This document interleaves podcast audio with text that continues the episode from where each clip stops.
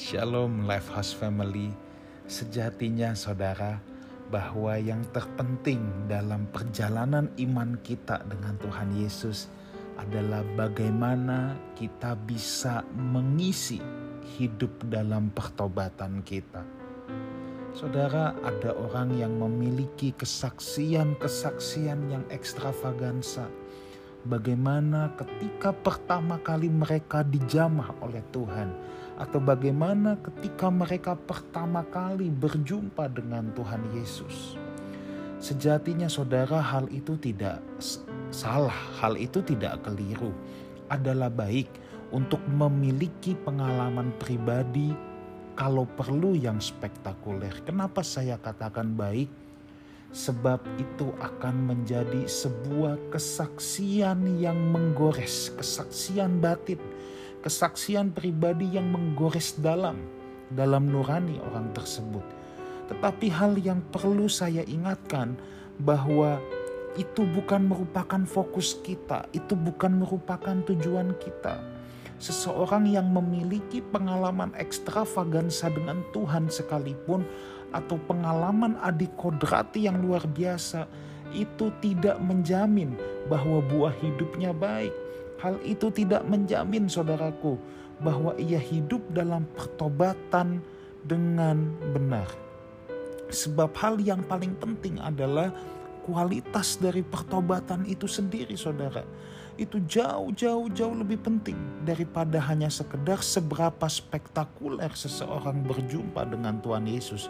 Mungkin ada yang mengawali pertobatannya dengan penglihatan, dengan nubuat-nubuat ya dengan mengalami mujizat. Dan saudara berkata kenapa per, uh, pertobatanku atau perjumpaanku dengan Tuhan tidak sespektakuler itu?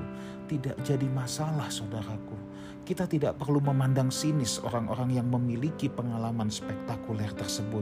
Dan kalau kita yang memiliki pengalaman spektakuler itu, kita juga tidak perlu menjadi sombong. Sebab apa? Baik yang memiliki atau yang tidak memiliki punya tugas yang sama. Yaitu Matius 3 ayat yang ke-8 berbunyi demikian. Jadi, hasilkanlah buah yang sesuai dengan pertobatannya di bagian Alkitab yang lain, dari buahnya lah kamu mengenal pohonnya. Jadi hidup kita bukan dikenal lewat pengalaman pribadi kita dengan Tuhan. Hidup kita bukan dikenal dari kesaksian-kesaksian yang ekstravagansa. Tetapi sejatinya yang Tuhan mau lihat adalah buah hidup kita. Apa yang kau hasilkan. Apakah sesuai pertobatan atau tidak. Jangan sampai kita menjadi orang yang seakan-akan rohani banget karena punya pengalaman yang ekstravagansa, tetapi hidup kita sama sekali tidak mencerminkan bahwa kita memiliki buah pertobatannya. Dari buahnya lah sebuah pohon akan dikenal. Lewat buah hidup kita akan tergambar pribadi siapa yang kita jumpai. Seseorang yang berjumpa dengan Yesus tidak ditandai dengan KTP-nya yang menjadi Kristen seorang yang berjumpa dengan Tuhan Yesus bukan ditandai dengan seberapa sering ia ikut kebaktian ataupun ikut pelayanan dalam gereja. Tentu ibadah itu baik, pelayanan itu sangat baik, tetapi ciri utama orang yang berjumpa dengan Tuhan Yesus, buah hidupnya manis, menjadi berkat.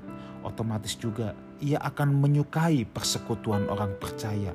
Ia akan begitu haus dan rindu untuk pekerjaan Tuhan. Kiranya Tuhan Yesus memberkati Lifehouse Family. Selamat menghasilkan hidup, menghasilkan buah yang sesuai dengan pertobatan. Haleluya.